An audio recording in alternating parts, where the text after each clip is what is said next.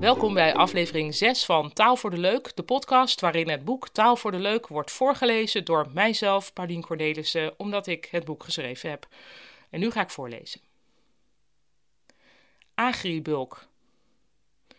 Sommige dingen hoef je niet te snappen. Onlangs was ik bij een ijzerwinkel waarvan de eigenaar vertelde dat zijn voorgangers in de oorlog hadden geheuld met de Duitsers. Dat deden ze met hun draaierij, waar ze dingen draaiden voor de Duitsers. Ik vroeg wat een draaierij eigenlijk was. Uh, een draaibank, zei de man met een blik alsof ik hem voor de gek hield. Ja, oké, maar wat maak je daar dan mee?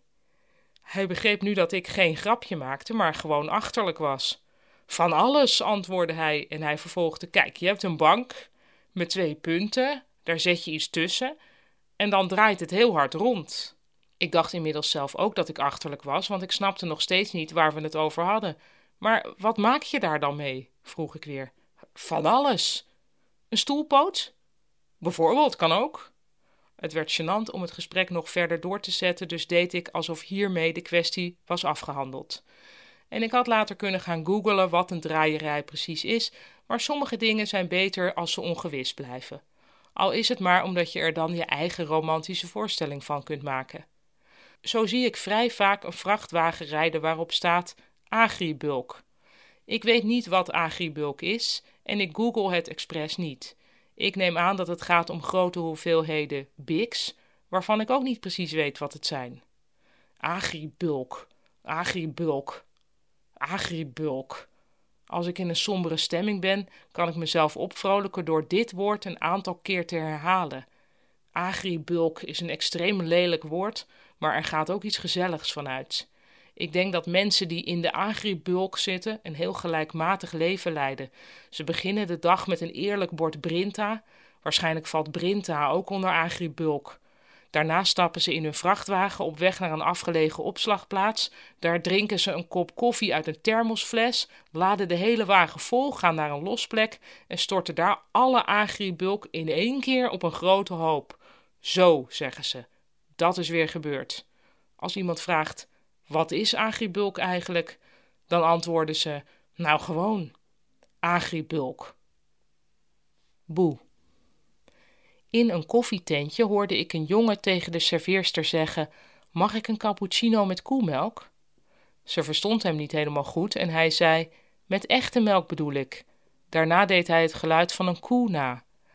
Blijkbaar was hij iemand die in een soja-omgeving leefde en een van de laatste die daar nog wel echte melk dronk. Het feit dat hij een welluidend koeiengeluid paraat had, kwam bijna militant over, zoals er soms ook vleeseters zijn die heel hard roepen: Hm, lekker, dode dieren. Sochenderwijs. Op 5 december om half zeven s avonds zijn er altijd mensen die nog een Sinterklaasgedicht moeten schrijven. Dat had natuurlijk al lang af moeten zijn, maar eerst nog even de krant lezen om je er straks met een Jantje van Leiden van af te maken. Dit uitstelgedrag, daar is in het Engels een mooi woord voor: procrastination. Dat woord klinkt heel academisch, alsof alleen hoogleraren het gebruiken, zeg maar het equivalent van idiosyncratisch of adhesie. Maar nee, procrastination is in het Engels ook een woord van de gewone man. To procrastinate kun je ook prima zeggen. Of man, I hate myself, all I'm doing is procrastinating.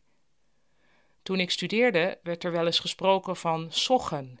Dat was een verwerkwoording van het acroniem SOG, dat dan weer stond voor studieontwijkend gedrag.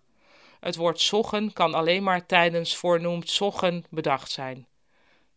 Ook al horen we ons schuldig te voelen over alles wat we vanwege een algeheel gevoel van manjana, manjana hebben nagelaten, ik wil hier toch een lans spreken voor het uitstellen van het Sintgedicht tot het laatste moment. Want soms is het juist het tijdgebrek dat ervoor zorgt dat je met je gedicht helemaal los durft te gaan. Dat je halfruim eindelijk accepteert als een mogelijkheid. Astma mag ineens rijmen op vast maar. Ook de logica mag overboord. Sinterklaas rijmt nu op winterkaas. Winterkaas? Wat is dat nou weer? Precies, dat bedoel ik. Die vrijheid van denken.